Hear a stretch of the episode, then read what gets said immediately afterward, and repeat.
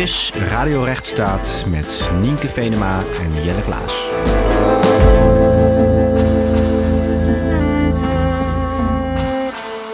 Welkom bij Radio Rechtsstaat, de podcast over waarom de rechtsstaat ook jou aangaat. Wat fijn dat je luistert naar de allereerste podcast van Radio Rechtsstaat, waarin we stil willen staan bij, je raadt het al, de rechtsstaat zelf. We hebben allemaal een beeld van het begrip, maar wat betekent het nou precies? En hoe verhoudt het zich tot de democratie en tot onze samenleving? Jelle, waarom een podcast over de rechtsstaat? Nou, voor mij persoonlijk is de rechtsstaat heel erg belangrijk in mijn werkende leven. Uh, ik ben advocaat sinds 2003, 2004 en sinds 2014 dus bezig met een mensenrechtenproject. Dus ik moet heel vaak uitleggen bepaalde fundamentele onderdelen van de rechtsstaat. En ik vraag me wel af inderdaad ook of iedereen wel echt zo'n goed begrip heeft bij wat de rechtsstaat is of zou moeten zijn. Dus het leek ons heel interessant om daar eens over te hebben. We hebben laatst zelfs onderzoek uh, gelezen waarin stond dat meer dan de helft van de Nederlanders geen enkel grondrecht op kan noemen. Uh, ik weet niet of dat hetzelfde is als wel of niet begrijpen wat de rechtsstaat is, maar het is op zijn minst uh, interessant te noemen. Ik weet niet overigens of dat onze luisteraars zijn. Uh, maar als iemand, ikzelf, die me veel bezighoudt met verschillende begrippen binnen die rechtsstaat, vrijheid van meningsuiting, verbod op discriminatie, weet ik natuurlijk wel wat de rechtsstaat is, maar het is ook een abstract begrip. Dus wat ik ook hoop met deze podcast is om zo gedurende de verschillende sessies die we hebben met experts, zelf ook iets beter te leren begrijpen wat we hier nou mee bedoelen en hoe het zich concreet vertaalt tot ons leven. Hm. Hartstikke goed. Nou, dat gaan we dan doen. En zeer vereerd met onze gast, die niemand minder is dan professor Dr. Alex Brenninkmeijer. Jurist, voormalig rechter, onze voormalige nationale ombudsman. En tegenwoordig lid van de Europese Rekenkamer. En we mogen Alex zeggen, eh, begreep ik. Welkom Alex, wat fijn dat je er bent. Um, laten we beginnen met de meest voor de hand liggende vraag. Ja, wat is een rechtsstaat en waarom is het zo belangrijk dat deze er is? Kun je ons dat kort uitleggen, misschien ook aan de hand van concrete voorbeelden? Ja, um, waarom is de rechtsstaat belangrijk? Wat is het? Um, eigenlijk kun je zeggen dat uh, de rechtsstaat is ons dagelijks leven. Uh, dat kun je onder andere merken als je uh, zeg maar op de, via, via de internet kijkt naar wat, wat is op dit moment de actuele discussie. Of wat gebeurt er in de wereld. En waar je ook terecht komt, al die onderwerpen hebben te maken met, met de rechtsstaat. De rechtsstaat, daar kun je nu heel lang over, over praten. Maar om het heel kort te zeggen, is de kern van de rechtsstaat is eigenlijk dat de staat zelf, de overheid, altijd gebonden is aan het recht. Je kunt zeggen, uh, voor de overheid geldt, de overheid mag alleen dat wat het recht toestaat. En voor ons als mensen in die staat geldt het omgekeerde. Wij mogen alles tenzij het verboden is. Hm. En dat is een heel andere positie. Uh, waarmee dus we ook willen zorgen dat de staat heel beperkt uiteindelijk is in zijn uh, bevoegdheden. Uh, een tweede aspect van de rechtsstaat is wat je zou kunnen noemen een, een evenwichtsoefening rondom het begrip vrijheid. Vrijheid in gebondenheid, in die zin dat ieder van ons als mens hebben we vrijheid. en die vrijheid vindt eigenlijk zijn grens in de rechten van anderen. We mogen anderen niet uh, beschadigen, we mogen anderen niet benadelen. En we leven in een samenleving waarin we met z'n allen ervoor zorgen dat uh, we op een prettige manier met elkaar uh, samenleven. Dus het gaat over de verhoudingen tussen burgers onderling en burgers richting de overheid, overheid richting burgers. Betekent dat dan dat de rechtsstaat politiek is? Nee, de, in, mijn fundamentele visie is dat, uh, dat de rechtsstaat geen politiek begrip is. De rechtsstaat begint eigenlijk bij de universele verklaring van de rechten van de mens na de Tweede Wereldoorlog, waarbij het woord universeel voorop staat. Dat betekent dat je erkent dat ieder mens zijn integriteit heeft. En dat die integriteit van ieder mens beschermd moet worden, in gelijke mate ook beschermd moet worden. En dat dat instrument rechtsstaat bedoeld is om ervoor te zorgen dat dat effectief wordt. Dat dat ook uiteindelijk tanden krijgt. Dat het niet alleen woorden zijn, maar dat het ook in de dagelijkse praktijk gaat werken. En wat, uh, om, uh, om, om even die positiebepaling politiek, niet politiek. Ik heb geen enkele politieke affiniteit. Uh, en daar voel ik me ook heel uh, prettig bij. Dat ik, dat ik niet me verbonden hoef te voelen met welke politieke stroming dan ook. Vanuit dat perspectief sta ik pal voor de rechtsstaat. Staat eigenlijk mijn hele leven, professionele leven, in het teken van de rechtsstatelijkheid. Maar om even een blik te werpen op wat er om ons heen gebeurt. Kijk naar Rusland met Poetin, waar je ziet dat de rechtsstaat fundamenteel aangetast wordt. Echt een politisch, politiestaat, een autocratische staat. Mensen worden vermoord, mensen worden vastgesteld, zet mensen worden geïntimideerd. Turkije, idem dito. Uh, als alle deuren in Turkije open zouden gaan, dan zouden er ernstige problemen kunnen ontstaan. Uh, uh, op dit moment in de Verenigde Staten ook zie je dat de rechtsstaat onder druk komt te staan, omdat we ronduit kunnen zeggen dat Trump niet echt een rechtsstatelijk besef heeft en heel makkelijk dwars door de grenzen gaat die hier moeten gelden. Ja, en natuurlijk Hongarije, Polen zien we natuurlijk ook steeds meer er zijn veel meer landen waar, waar dus de, de, de, de rechtsstatelijkheid ter discussie staat. Waarbij we voor ogen moeten hebben dat rechtsstaat ook een ideaal is. Hè. Rechtsstaat is niet een, iets wat in beton gegoten is, maar rechtsstaat is een ideaal. En dat betekent dat je van dag tot dag, van minuut tot minuut moet streven naar rechtsstatelijkheid. Maar je ziet dat dat ideaal uh, vervaagd in uh, sommige landen, in sommige culturen. als je zegt dat de rechtsstaat onder druk staat in de Verenigde Staten, wat bedoel je dan precies? En zou dat in Nederland ook zo kunnen zijn, dat de rechtsstaat onder druk staat? Je hoort dat vaak, hè, die term, maar wat betekent het nou? Uh, dat betekent dus dat het ideaal van de rechtsstaat niet vooropgesteld wordt, dat dat ook niet geïnternaliseerd is in die zin dat iedereen het gevoel heeft van ja, maar dit moet en hier kun je niet tegen zijn. Um, maar uh, als je de tweets van uh, Trump op een rijtje zet. en hij communiceert hoofdzakelijk via tweets. dan kun je constateren dat iedere keer weer er momenten komen dat je zegt: meneer Trump, u overigens rijdt hier de grens. U verdedigt het ideaal van de rechtsstaat niet. Mm. En dat is natuurlijk iets wat iemand in de rol van Trump juist wel zou moeten doen. En als, als ik je goed blij zei, het is dus een, dan een ideaal wat, wat, wat nagestreefd wordt of zou moeten worden. En ik denk dat ik je net hoorde zeggen dat het eh, in Nederland, of dat het in ieder geval vanaf 48, uh, eh, dat dat ideaal geldt. Nou ja, laat ik zo zeggen, de, Tweede Wereldoorlog was een hele harde les.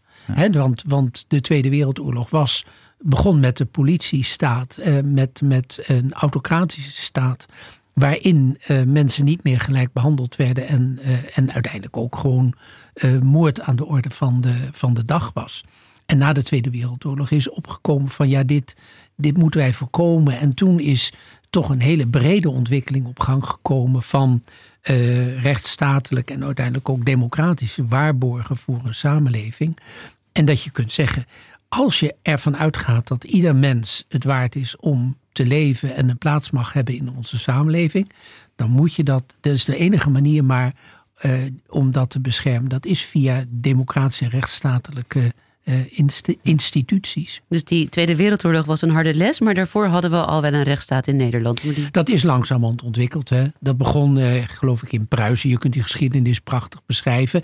Maar steeds zijn er elementen toegevoegd aan, aan ons constitutionele bestel, aan ons maatschappelijke bestel, waardoor je kunt zeggen: hé, hey, het gaat de goede kant op. Ja. In de media en bij het grotere publiek lijkt er soms wat verwarring te zijn rondom de rechtsstaat. En vooral dan met betrekking tot het beeld dat men heeft van hoe een democratie zou moeten werken. Dus in sommige gevallen uh, vinden mensen nog wel eens dat de mening van de meerderheid van de bevolking eigenlijk belangrijker is dan wat de wet voorschrijft. En daarbij denk ik uh, aan uh, een situatie waarin de meerderheid van de Nederlanders voor de doodstraf is voor een veroordeelde kindermisbruiker bijvoorbeeld. Maar dat dit toch niet opgelegd wordt door de rechtbank en de commotie die daar rondom kan ontstaan. Kun jij uh, voor ons de verhouding tussen de democratie en de rechtsstaat uh, kort uitleggen? En kunnen mensen, als er maar genoeg zijn, eigenlijk wijzigingen doorvoeren? Uh, bijvoorbeeld door op een bepaalde politieke partij te stemmen.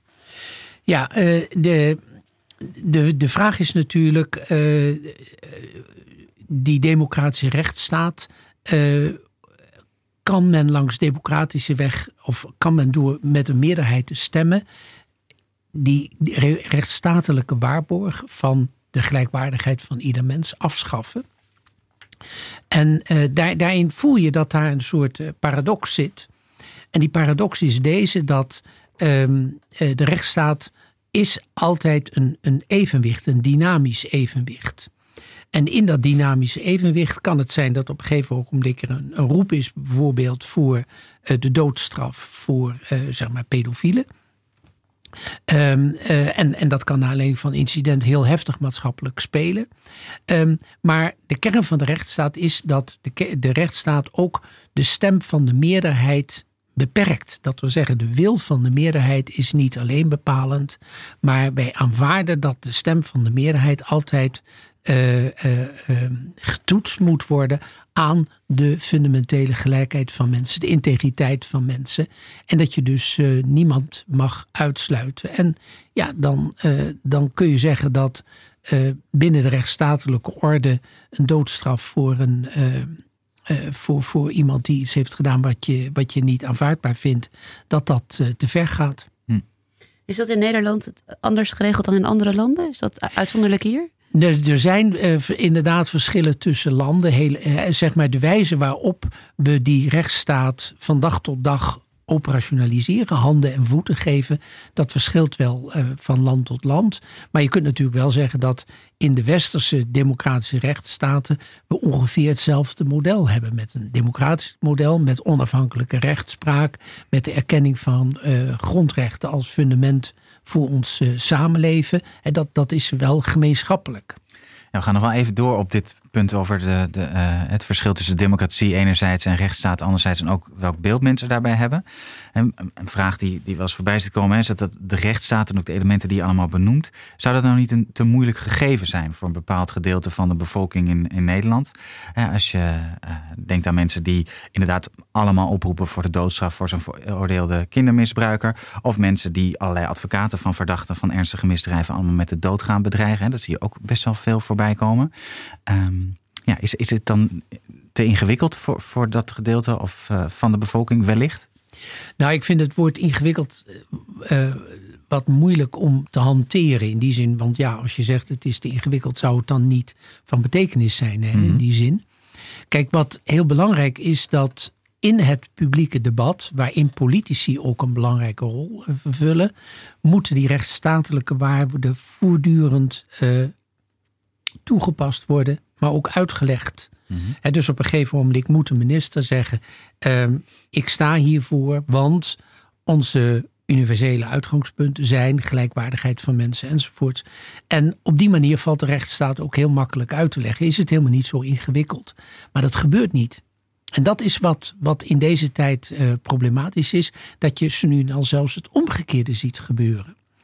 Uh, dat dat um, uh, de, de echte rechtsstatelijke sterm van evenwicht in de samenleving niet tot het uiterste gaan, dat dat, um, uh, dat, dat niet tot, tot zijn recht komt. En daardoor krijg je een, eigenlijk een vervuild publiek debat, waarin de indruk wordt gewekt van we zijn sterk, we zijn ferm, we zetten door. En als wij als meerderheid iets willen, dan moet dat, uh, moet dat gebeuren. ik, ik, ik hoor wat je zegt. Ik, ik, ben het ook met je eens dat, dat politici hè, daar meer aan zouden moeten en kunnen doen. Maar tegelijkertijd vereist het natuurlijk wel een bepaald abstractieniveau. Als je het hebt over bijvoorbeeld mensen die worden vrijgelaten door vormfouten. Hè, dat, daar, is heel erg veel ophef dan over. Nou, in de praktijk lijkt dat meestal wat mee te vallen. Maar het idee dat we willen dat het Openbaar Ministerie zich aan bepaalde regels houdt. En dat als ze dat niet doen, dat het een bepaalde sanctie heeft. Zelfs als nou ja, vrijwel vaststaat dat die persoon toch iets verkeerds heeft gedaan. Ja, dat, dat vereist een bepaald abstractieniveau van hè, als we hè, van het glijdende schaal, als we dat hier toestaan, dan kan de overheid veel meer. Um, ja, dat is toch wel wat. Dat vereist wel wat uitleg, laat ik het zo zeggen. Ja, dat verwijst uitleg. Uh, maar ook zie je dat de rechter uh, hier ook in mee is gegaan. In die zin dat de rechter ook uh, een, een, andere benadering heeft gekozen. Want destijds was het zo dat er een, een lijn was waarin nogal scherp uh, die grens getrokken werd van vormfouten leiden tot vrijspraak, naar een hele andere benadering op dit moment, waardoor het ook meer aansluit bij wat er in de samenleving leeft. Ja, ja. En, en uh, een ander punt is, uh, als je het kijkt naar die democratie, en hoe past het dan in zo'n democratie dat een ongekozen rechter soms hele vergaande beslissingen mag nemen over hele belangrijke kwesties? Denk aan luchtvervuiling, belediging van bevolkingsgroepen of zelfs over oorlogsmisdaden, zelfs van de Nederlandse staat in het verleden. Hoe, hoe, hoe past dat daarin? Kun je daar ook kort iets ja, over zeggen? Twee dingen. Um, het eerste is, uh, we mogen niet onderschatten dat. Um, uh, ook de rechter democratische legitimatie heeft. Het is niet een zwart-wit tegenstelling in die zin dat de oriëntatie van rechters. Uh, en dat kun je in de, in de loop van de decennia gewoon uh, onderkennen. Dat de rechters openstaan voor dat wat in het publieke debat leeft. Dus er verschuiven dingen in de rechtspraak die heel duidelijk aansluiten wat, bij, wat er, eh, bij wat er leeft, wat mensen beweegt. En ehm, dat betekent dus dat rechtspraak nooit of te nimmer vanuit een ivoren toren gebeurt. Vind jij het... en, en, het tweede punt, en dat is heel essentieel, dat als een rechter een uitspraak doet, hij doet dat altijd op een fundament. Dus de rechter zegt niet, ik vind in deze milieukwestie dit. Nee, de rechter vindt nooit iets. De rechter die, die weet welke norm toegepast moet worden en past een norm toe die wij eerder democratisch hebben vastgesteld. En daarmee blijft de rechter altijd zelf ook binnen de democratische rechtsstaat. En vind jij het daarbij dan van belang dat rechters neutraal zijn? Of dat ze juist een afspiegeling zouden zijn van de bevolking? Bijvoorbeeld op het gebied van gender of culturele achtergrond? Heb je daar ideeën over? Ja en nee. Um, in ze zijn neutraal zijn, is professionaliteit natuurlijk. In ja, nee, zonder meer de rechter moet neutraal zijn. En het moet natuurlijk ook helemaal niet uitmaken wat de achtergrond van een rechter is. Nog naar gender, nog naar noem maar wat. Uh, het mag nooit een rol spelen. Dus in die zin is het ook iets minder urgent dat de rechters 100% een afspiegeling zijn van de samenleving, want dat lukt je ook niet. Je kunt niet spreken van lager opgeleide rechters bijvoorbeeld. Dat, dat werkt niet, want een rechter is mhm. altijd hoger opgeleid. Want het is een ingewikkeld vak. Het is een ingewikkeld, ingewikkeld vak. Je hebt natuurlijk in, uh, in andere stelsels, bijvoorbeeld juryrechtspraak, waarbij je gewoon een greep krijgt uit de samenleving die uiteindelijk de beslissing neemt. Dus dat is een ander model. Maar wij hebben het uh, model van uh, professionele rechters. en um, uh, dat brengt mee dat je toch een, een, bepaalde werving hebt. Op den duur is het natuurlijk belangrijk dat de rechters wel een achtergrond hebben die uh, aansluit bij wat er maatschappelijk leeft. Bijvoorbeeld vrouwen in de rechtspraak. Dat is op een gegeven ogenblik, maar dat is op dit moment helemaal niet een probleem. Maar als het gaat om gender, als het gaat om um, uh, een achtergrond vanuit verschillende bevolkingsgroepen, dat, dat moet natuurlijk ook. Maar dat, dat eilt altijd na. Dat eilt na, dat, dat lukt je niet à la minuut. Hm. Want het, het, is dus wel belangrijk dat het uiteindelijk gebeurt, maar het zou eigenlijk niet uit moeten maken. nee, het mag niet uitmaken. Dat vind ik het mooiste aan het beeld van de rechter. En uh, dat is de blinddoek van vrouwen Justitia. Die blinddoek die, die, die slaat er niet op dat de rechter blind is, maar dat het niet uitmaakt wie, uh, wie die rechter is. Ja, mag ik daar nog even, eh, even een vervolg van? Ik vind het echt super interessant wat je zegt. Hè, ook over dat uiteindelijk die rechter uh, op die fundamenten toetst. Um, maar er zijn natuurlijk ook heel veel kwesties waarin twee verschillende fundamenten tegenover elkaar afgewogen moeten worden. Um, denk aan de economische belangen van Nederland versus de belangen van de Groningers uh, bij gas. Um, dat, dat er geen aardbevingen zijn in hun gebied of de Urgenda-zaak over CO2. dan spelen best wel veel fundamentele uh, belangen. En dan is het toch wel lastig, denk ik, om te zeggen van hè, dat er. Als je daar allemaal de, verschillende soorten rechters neer zou zetten, dat die allemaal vanuit een soort neutrale professionele positie tot dezelfde fundamentele oordeel zouden komen. Als je een rechter die wat linkser is, of misschien wat meer voor het milieu, of net weer een wat andere achtergrond heeft, zou dat dan niet een effect kunnen hebben op die oordelen? Um, dat, dat effect kun je niet uh, ontkennen, kun je ook niet uitsluiten. Dat zou ook onmenselijk zijn. Misschien op den duur dat we computers neer kunnen zetten als rechters. Dan heb je dat effect niet. Maar, um, heeft dan ehm, weer andere nadelen. ja. misschien. Ja, misschien ook niet. Dat weet ik niet. Maar, Neutraal zijn ze in ieder geval. maar um, uh, uh, ons rechtssysteem zit zo in elkaar dat de, recht, de, de rechter uitspraak doet naar aanleiding van een gedegen debat. Een open debat waarin alles gezegd kan worden. Maar er is ook nog hoger beroep. Er is ook nog cassatie. Hmm. En er is ook nog uh, een, een, kritische volgende uh, uh, buitenwereld die die rechtspraak heel intensief volgt. Dus er is heel veel terugkoppeling in het systeem. En het kan best zijn dat in eerste uitspraak over een kwestie dat je zegt, nou, ik weet niet zo zeker of deze rechters nou de juiste toetssteen gevonden hebben. Uh, en het kan zelfs zijn dat het soms vijf jaar duurt voordat die toetssteen eruit komt. Maar uiteindelijk wel. Want als ik terugkijk van nu naar de Tweede Wereldoorlog, kan ik constateren dat in alle belangrijke maatschappelijke vragen de rechter uiteindelijk terecht is gekomen op een spoor waarvan je kunt zeggen dat berust niet op persoonlijke voorkeuren, zeker niet op politieke voorkeuren, maar dat berust op uh, onze rechtsorde die zich steeds verder ontwikkelt in verbinding met de samenleving. Dus eigenlijk komt er feedback vanuit de samenleving ook weer op de rechtbank. We krijgen later in deze serie ook nog uh, Chris Klomp, rechtbankverslaggever, die hier vanuit een ander perspectief nog op doorgaat. Um, maar is uh, de rechtsstaat er nou vooral, denk jij, Alex, om minderheden en kwetsbare groepen te beschermen?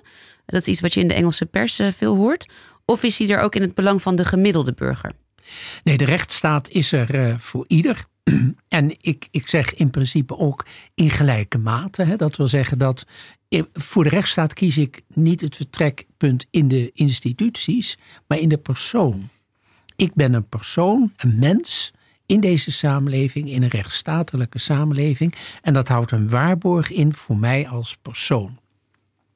Het is natuurlijk zo dat die, de bescherming van de persoon verschilt van persoon tot persoon ik moet bekennen dat ik als persoon op dit moment wat minder bescherming nodig heb. He, omdat ik ja, mijn, maatschappelijke weg gevonden heb en, enzovoorts. En maar er zijn mensen die in een hele kwetsbare positie zitten. Dat betekent dat die rechtsstaat een grotere intensiteit krijgt. naarmate de persoon kwetsbaarder is en in een moeilijkere positie komt te verkeren. Uh, en in die zin is de rechtsstaat ook niet neutraal. He, de, de rechtsstaat balanceert en uh, zorgt ervoor dat er ook sprake is van bijvoorbeeld ongelijkheidscompensatie. Ja, en het wisselt natuurlijk ook nog wel eens wie er een kwetsbare positie heeft in de, in de samenleving. Hè? Dus dat is natuurlijk.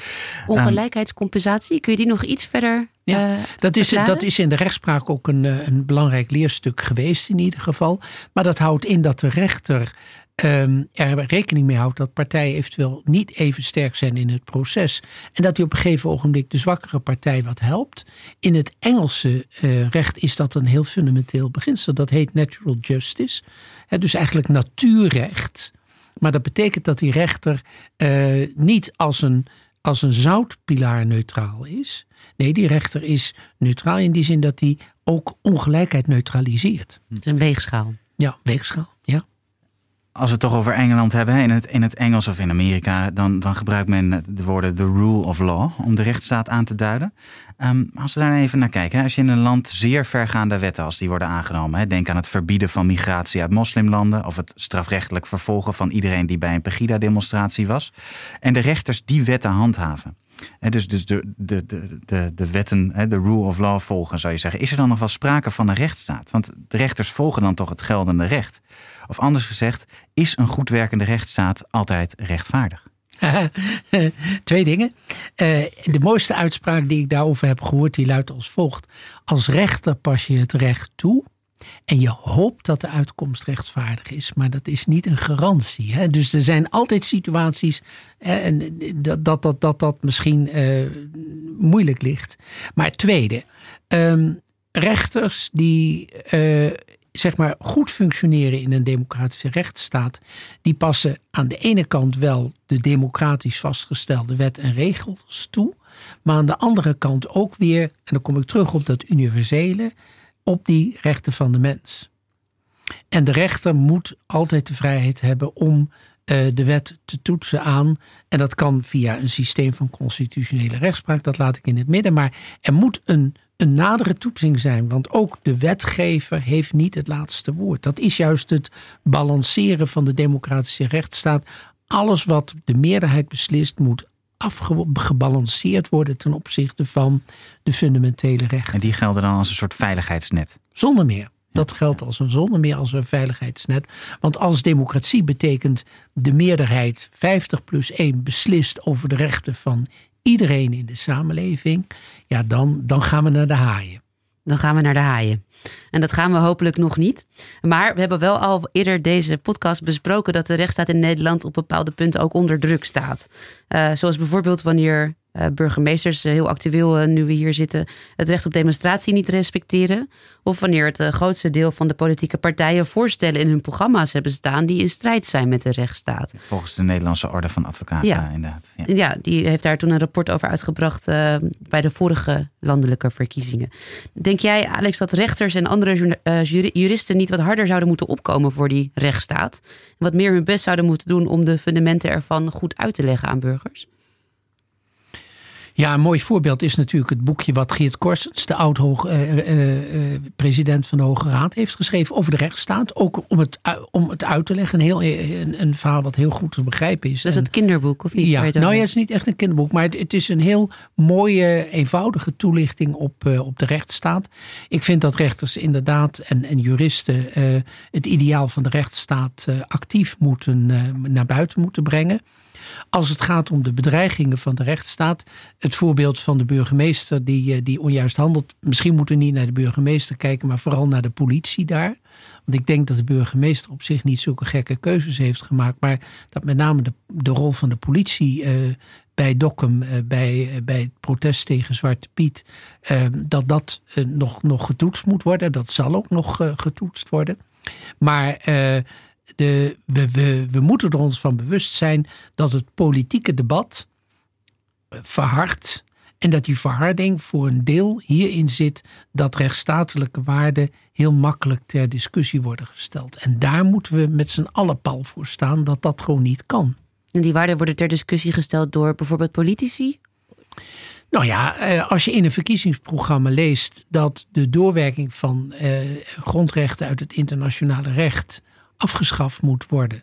Terwijl we ook geen constitutioneel toetsingsrecht hebben. Dan moet je constateren dat daar inderdaad gewerkt wordt naar de regel. Uh, de democratie, 50% plus 1, beslist over de rechten. En wij dulden niet meer een tegenstem vanuit die universele uh, waarden. Ja, dus heel eventjes ter uitleggen. Geen de constitutionele toetsing. Ja, we, hebben, we hebben wel een grondwet en die is heel belangrijk in Nederland. Maar de rechter mag die niet toepassen in de, in, in de uitspraken. En, uh, en dat komt omdat we geen constitutioneel hof hebben. We hebben geen grondwettelijk hof zoals de meeste beschaafde landen in de wereld wel.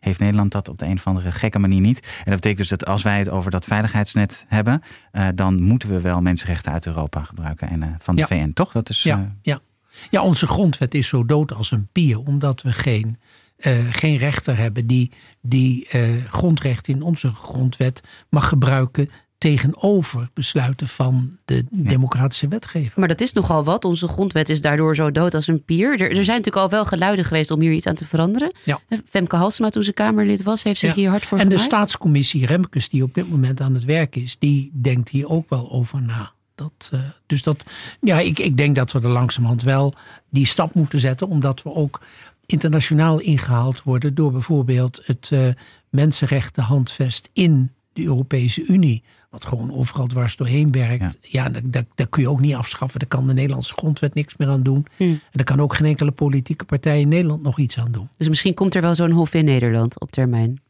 Nou, laat ik het zo zeggen, ik bepleit dat al uh, meer dan 30 jaar. En ik hoop dat ik uh, eindelijk eens een keertje gelijk krijg. Ja, ja dat zou hartstikke, hartstikke mooi zijn. Lijkt me heel erg hoog nodig. Dan ik een, een laatste mee. hele belangrijke uh, vraag. Schrijven we rechtsstaat met één of twee S'en? Ja, en ik ben dyslectisch. En iedere keer hoop ik dat mijn, dat mijn spellingscontrole van mijn tekstverwerker het goed doet. Maar daar raak ik altijd mee in de knoei. Ja, wij hebben uh, voor Radio Rechtsstaat gekozen voor twee S'en. Maar voor de zekerheid heb ik hem ook met één S laten vastleggen. Ja, Volgens mij mag het allebei. Dat is wel een beetje genuanceerde. Ja. Nou, je hebt geluisterd naar de allereerste podcast van Radio Rechtsstaat uh, over de rechtsstaat zelf en waarom die jou ook aangaat. Dat hebben we gedaan met niemand minder dan professor Dr. Alex Benningmeijer. Oftewel Alex, ontzettend fijn dat je er was bij ons in de studio vandaag. Graag gedaan. Dank je wel.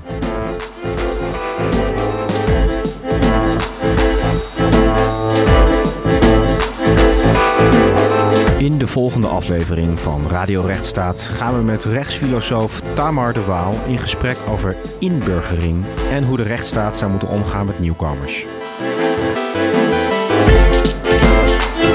Radio Rechtsstaat is gemaakt door Nienke Venema, Jelle Klaas en Andreas Willemsen en wordt opgenomen bij Salto in Amsterdam.